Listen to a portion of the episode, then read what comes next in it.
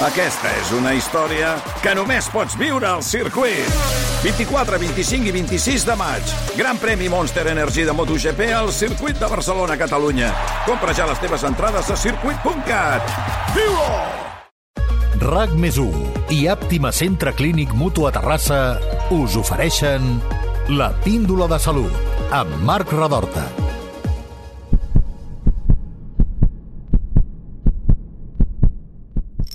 Des de que era ben petita tenia l'estómac eh, inflat i em, em costava bastant anar de ventre, però en els últims dos anys, previ al, al diagnòstic, ja era insuportable, o sigui, no podia associar què és el que menjava, que se m'inflava la panxa, estava molt cansada, havia de prendre'm laxants amb 20 anys perquè no podia anar de ventre. Com d'habituals són situacions com aquesta que ens ha explicat la Irene? Doncs la veritat és que són bastant habituals.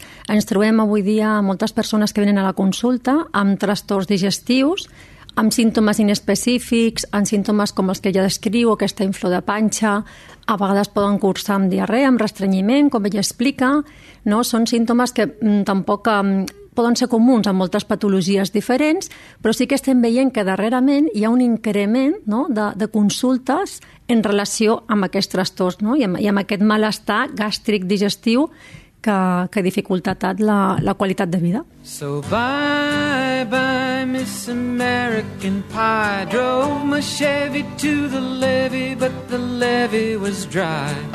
And then good old boys were drinking whiskey and rye Singing this'll be the day that I die Hi ha moltes persones que tenim problemes de caràcter digestiu i que els arrosseguem durant massa temps.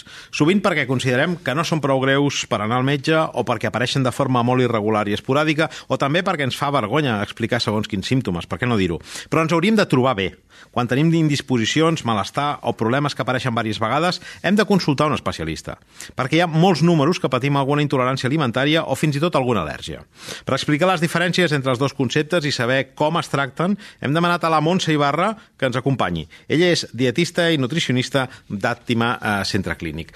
Benvinguda a la Píndola de Salut. Hola, què tal? Gràcies. Sentíem el testimoni de la Irene. Um, a la majoria de casos, els propis pacients intenten descobrir quin aliment els perjudica, però això entenc que poques vegades deu ser efectiu. Què, què recomanes? El millor és que quan una persona té símptomes digestius, no es troba bé, és acudir al metge, acudir al professional.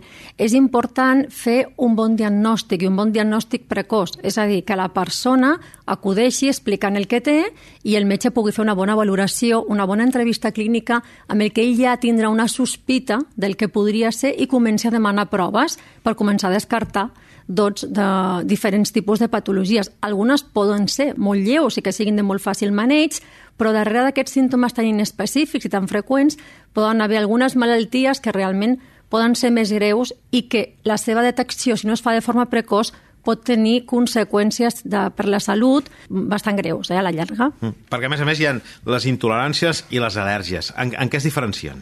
Hi ha una diferència molt clara i és important que ho posem ara sobre la taula perquè hi ha moltes persones que això ho estan actualment o estan confonent.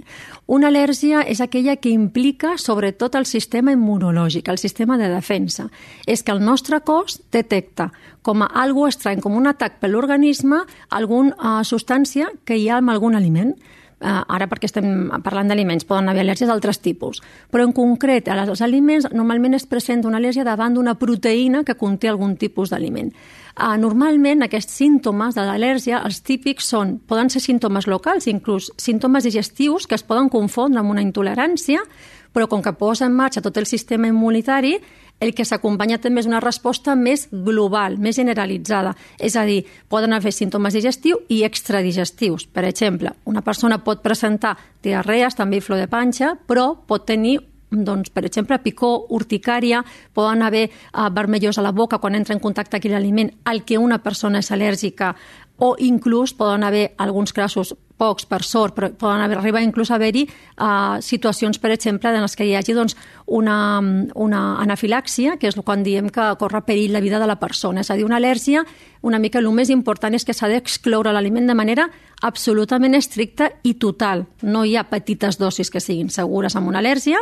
En canvi, amb una intolerància estem parlant d'algú diferent, d'algú de més fàcil maneig, no tan greu, perquè això té que veure amb un dèficit enzimàtic, amb un dèficit que té el nostre sistema digestiu per poder absorbir una substància de l'aliment.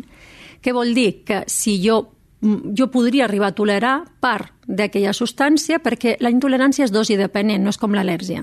Per tant, puc arribar a, a absorbir substàncies mm, X d'un aliment en concret i si em passo d'aquesta quantitat puc tenir símptomes digestius com, el que, com els que hem explicat. A Europa les, les al·lèrgies alimentàries afecten aproximadament a un 1% de la població, però les intoleràncies segurament perquè són més lleus, encara són més freqüents.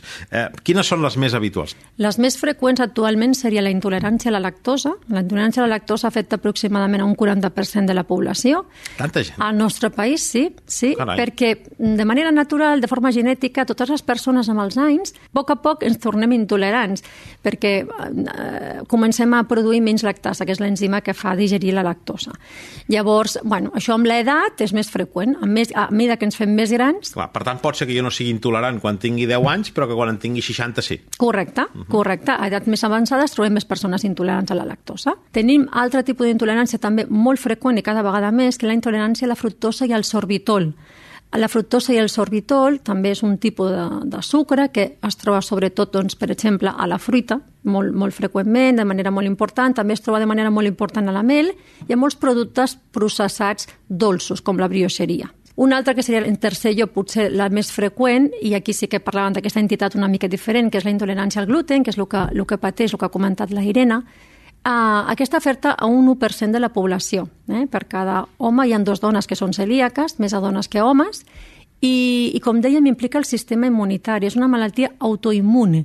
Això vol dir que aquí sí que hi ha una resposta del sistema immunitari, per tant, també el tractament dietètic s'assemblarà més a lo que és una al·lèrgia alimentària que no una intolerància. Aquí hem d'evitar quantitats de gluten mm, de manera estricta.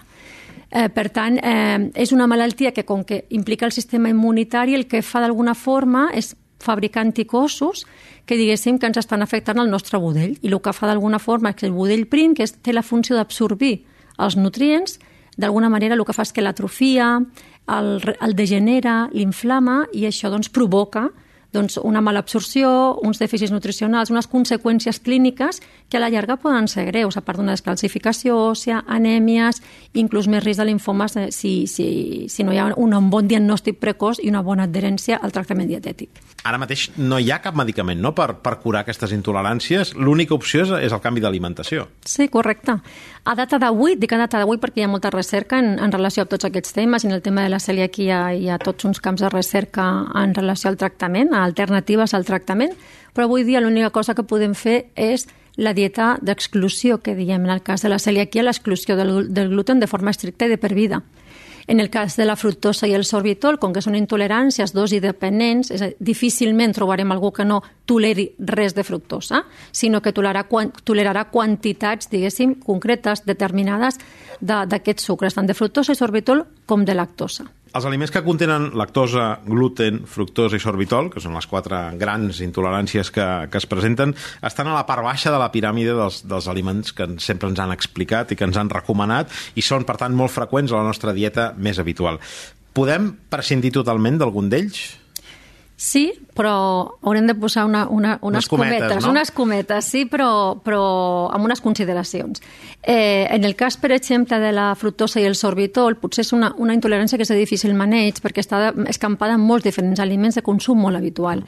Llavors, eh, jo puc viure prenent menys fruita, evidentment ajustant la quantitat que menjo. I aquí la clau de la qüestió serà en quina quantitat menjo d'una sola vegada. Si jo sóc intolerant, tolero poca quantitat d'un de fructosa, una mica la idea seria fraccionar aquesta ingesta i prendre petites quantitats de fruita baixa en fructosa repartides durant el dia perquè jo sigui capaç d'absorbir aquella fructosa que és una mica la capacitat que jo tinc, limitada però la tinc encara.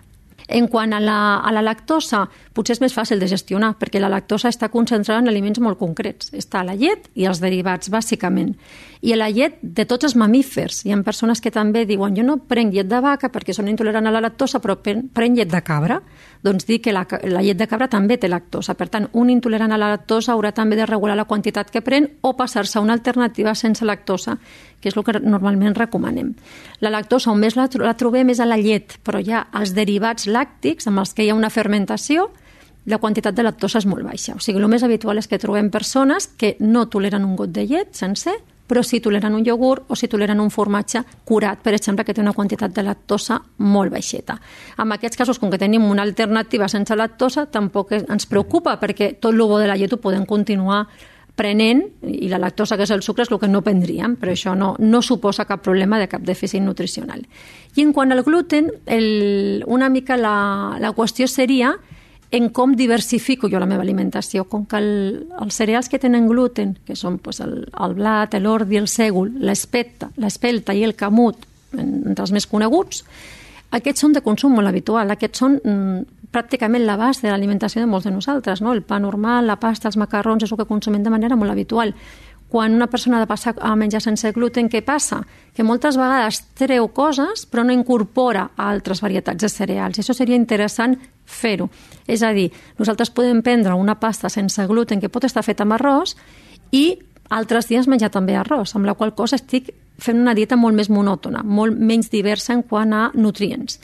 En canvi, si jo incorporo altres cereals sense gluten, com el blat sarraí, o, per exemple, pot incorporar el, el, la quinoa, no? que és un, altre, és un altre aliment que no té gluten, doncs aquí estic diversificant i enriquint la meva alimentació i és més difícil que pugui tenir algun dèficit nutricional. O sigui, podem viure sense ells, però tenint en compte aquests petits consells de les, les alternatives i el diversificar la dieta al màxim que pugui. Si suprimim alguna d'aquestes substàncies, hem de compensar-ho amb algun tipus de, de complement vitamínic? Hem de diferenciar, en el cas de la fructosa i el sorbitol, si hi hagués una intolerància molt greu, molt severa, que impedís menjar mínimes quantitats de fruita uh, diàriament, Llavors sí que haurien d'aconsellar algun complement de vitamines i de fet els aconsellem en aquests casos, tot i que són casos, com, com he dit abans, molt poc freqüents. Habitualment sempre hi ha una tolerància a, a petites quantitats. En el cas de la lactosa, evidentment no cal, no cal suplir-la amb res, perquè no evitem els làctics, estem agafant làctics sense lactosa, per tant tot el dels làctics ho continuem una mica menjant. I en el cas de la intolerància al gluten, aquí sí que de vegades convé donar algun complement, però moltes vegades és com a conseqüència de, del que ha provocat la malaltia celíaca. Si la malaltia celíaca hem dit que el que fa és una atròfia d'aquest budell, d'aquestes vellositats, i impedeix que s'absorbeixin bé aquests nutrients, això com a conseqüència pot donar dèficits nutricionals, pot donar anèmia, pot donar descalcificació òssia, pot donar dèficits de vitamina B12, per exemple, d'àcid fòlic, i en aquests casos, que normalment és quan hi ha un diagnòstic a l'inici o quan hi ha una maladherència o un mal control de la malaltia, diguéssim, en aquests casos sí que es donen suplements de vitamines i minerals específics en funció del, del dèficit que, que es diagnostiqui, que hi hagi. Tornem en el cas de la Irene, no? en el cas del gluten, i recuperem el, el seu testimoni perquè ella ens explicarà com va afrontar aquest canvi de dieta a, al començament del seu diagnòstic. Bueno, jo vaig començar la dieta a mitjans de maig del 2005 i al setembre estava amb una vitalitat tremenda, um, em vaig desinflar, podia fer menjars d'un primer, un segon i un postre. Eh, és cert que en aquells moments eh, anava a comprar amb un llibre i amb les marques i la meva dieta es va basar principalment en, en fruita, verdura, carn a la planxa, vull dir, els productes no estaven molt ben aconseguits encara en quant a sabor i era una mica complicat de trobar producte específic sense gluten, no? I el fet de sortir al carrer a prendre alguna cosa, mm, això era mm, bastant complicat. O sigui, els restaurants no estaven, no estaven adequats per això. Queda clar que la vida de la Irene ha canviat cap a millor des de que, des de que ha fet eh, aquest canvi, però seguir aquest tipus de dietes no deu ser fàcil. Què cal tenir en compte? Mm, parlava ella de la dificultat de menjar fora, de sortir de casa eh, i de, dels aliments a fora de casa, uh mhm. -huh. en entorns que no controles tant. Què cal tenir en compte? A dintre de casa, diguéssim, que tot és més fàcil. Quan tu controles el teu entorn, quan tu vas a comprar al supermercat, quan comencem per, per anar a un supermercat, el primer que hem de tenir en compte és com identifico jo un producte sense gluten. Doncs avui dia tot això està regulat, hi ha un real decret que regula doncs, un europeu que es va aplicar el 2014 que regula doncs, la presència d'al·lèrgens de declaració obligatòria i els cereals amb gluten estan, és un d'ells. Per tant, és d'obligada declaració amb un producte que tingui gluten que estigui, d'alguna manera, que estigui senyalitzat, que estigui identificat de manera molt clara pel consumidor. A part tenim una altra simbologia específica pels celíacs, que seria el símbol de l'espiga barrada, que és vàlid a tota Europa. Eh? Si alguna persona viatja, sí. també és vàlid. Això nosaltres ens donem una garantia de que aquell producte sense gluten és apte per a una persona celíaca. Però què passa? Que moltes vegades hi ha productes que d'entrada ens poden semblar que no haurien de tenir gluten i el gluten també s'utilitza com un additiu, per exemple, com un especiador de vegades i no sempre hi ha una identificació molt clara d'això. I és aquí on moltes vegades eh, doncs els, els, els pacients tenen dubtes, tenen problemes en saber si poden o no consumir.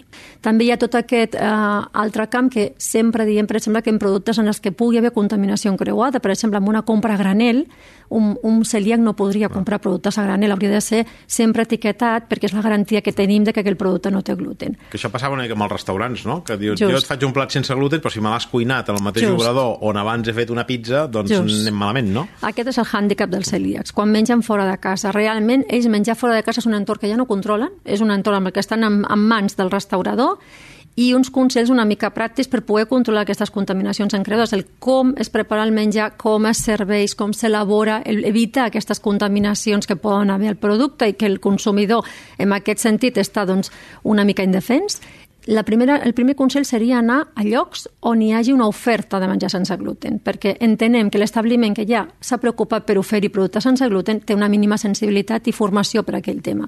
Per tant, el primer seria en llocs que hi hagi oferta específica. I després, com a consumidor, explicar a la persona que t'atengui doncs, que tu no pots menjar gluten, i que no pots menjar gluten no només com a ingredient, sinó que no pot haver estat cuinat a una planxa on s'ha fet un aliment sense gluten, no pot haver un fregit on s'hagi fregit un aliment, unes croquetes, per exemple, que tenen gluten, no, pot, no es poden fer unes patates fregides per, un, per una persona que sigui celíac. Hi ha persones que, sense ser celíaques, eh, decideixen fer dieta sense gluten. És saludable, és recomanable, o, o, és, o només és fruit d'una tendència, d'una moda, d'una idea que ara, diríem, s'està imposant? El menjar sense gluten ha sigut, està siguent actualment una moda i una tendència i ha sigut una mica fruit de que moltes influències i persones famoses han sortit als mitjans explicant les bondats, no? els beneficis que han obtingut en fer una dieta sense gluten. Inclús s'ha promulgat el seu consum doncs, per la pèrdua de pes moltes vegades la pèrdua de pes no ve perquè menja sense gluten, acaba venint perquè tu quan fas una enquesta dietètica a aquella persona veus que acaba menjant menys quantitat de productes rics en hidrats de carboni perquè el menjar sense gluten no és, no és tan palatable en general com un menjar amb gluten. Per tant, mm, no hi ha cap evidència científica de que menjar sense gluten ajudi a perdre pes, que seria una mica la, un dels usos principals que es fa la dieta sense gluten, i vull apuntar que, a més a més, això no li fa cap favor a les persones celíaques perquè està creant molta confusió. Una persona que menja sense gluten per una moda no estarà pendent de que hi hagi una contaminació encreuada, és que ni ho explicarà. Inclús pot, pot menjar petites quantitats de gluten i això desorienta molt quan algú va menjar fora i diu, no, no, és igual, una mica no passa res. Desorienta molt a les persones i fem poca pedagogia quan estem fent tot això. Per tant, sempre, el menjar sense gluten no té cap avantatge, a més a més té, un, té, té inclús avantatges, perquè el producte per celíac és un producte més car. La composició nutricional del producte pel celíac, tot aquí ha millorat molt amb els anys i s'està investigant molt en què millori la seva composició, a nivell nutricional és pitjor un producte sense gluten que un producte amb gluten, perquè evidentment el gluten dona elasticitat, dona esponjositat i, per exemple, en un pa això s'ha de substituir per posar més greixos, posar sucres, posar altres ingredients i additius que moltes vegades no confereixen d'una bon, bona composició nutricional i això també encareix el producte. Per tant, així d'entrada, avantatge cap, mai fer-ho sense una indicació mèdica perquè no té cap sentit i jo sempre el que també recomanaria és intentar buscar fonts fiables a l'hora de consultar tot això. És a dir, fugir de portals, no? de foros en els que la gent explica doncs, les bondats i, i el que ha aconseguit i anar, per exemple, a informar-se doncs, a societats científiques, a pàgines d'hospitals... O a Àptima Centre Clínic. O Àptima Centre sí, Clínic, abans... que seria una molt bona opció. Exacte, abans de la influència. No, també perquè, clar, el, el celíac no ho ha, o la persona celíaca no ha triat ser celíaca. Just. Si, si pogués menjar un entrepà, segurament se'l voldria menjar, no? Just. Eh, I, en canvi, eh, la persona que s'apunta en aquesta moda, que ara pot ser aquesta, i d'aquí un any serà la cetogènica, o serà no sé què, o serà no sé quantos, al final eh, són opcions personals, però en tot cas eh, no, com a, no com a recomanació, diríem, per gent que té, que té, una, que, que té una patologia, que té una correcte, malaltia. No? Correcte, Entenc? per un celíac la dieta Exacte. sense gluten és el seu tractament i és un tractament de per vida. Molt bé, la Irene fa 16 anys que va saber que era celíaca. Jo crec que la seva experiència segur que pot ser molt útil per persones que estan en, en situacions similars. Li hem volgut demanar també que ens fes algun tipus de, de recomanació per a les persones que es troben en, en contextos doncs, que podrien ser similars. A dia d'avui, des del meu diagnòstic fins avui han passat molts anys, els productes han millorat moltíssim, tot el que és l'hostaleria ha millorat moltíssim, estan molt més familiaritzats amb això. És una malaltia, és cert, però és una malaltia amb la que es pot conviure, que si ho fas bé et trobaràs superbé i et permetrà portar una vida completament normal, realment.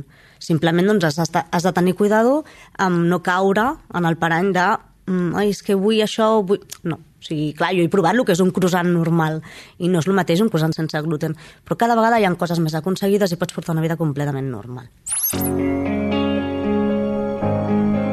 Doncs Montse Ibarra, um, dietista i nutricionista d'Àptima Centre Clínic, moltes gràcies per acompanyar-nos i per ajudar-nos a millorar el nostre estat de salut i t'esperem un altre dia amb una altra píndola de salut. Moltes gràcies a vosaltres, ha estat un plaer.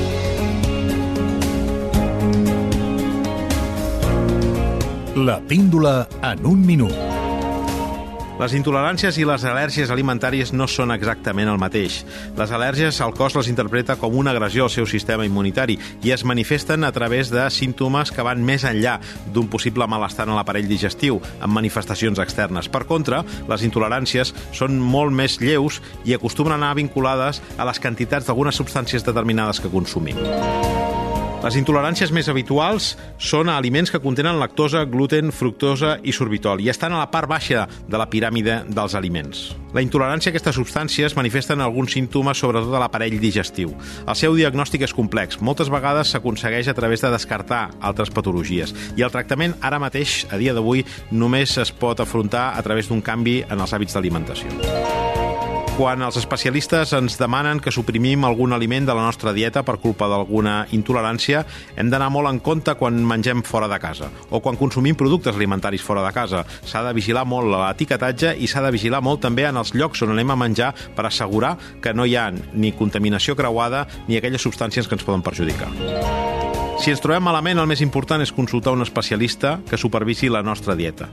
No podem seguir modes, no podem seguir tendències, no podem seguir allò que ens comenten a les xarxes socials sense eh, la supervisió d'alguna persona que ens digui exactament què hem de menjar, què podem menjar, què no podem menjar i quin tipus de suplement vitamínic podem necessitar.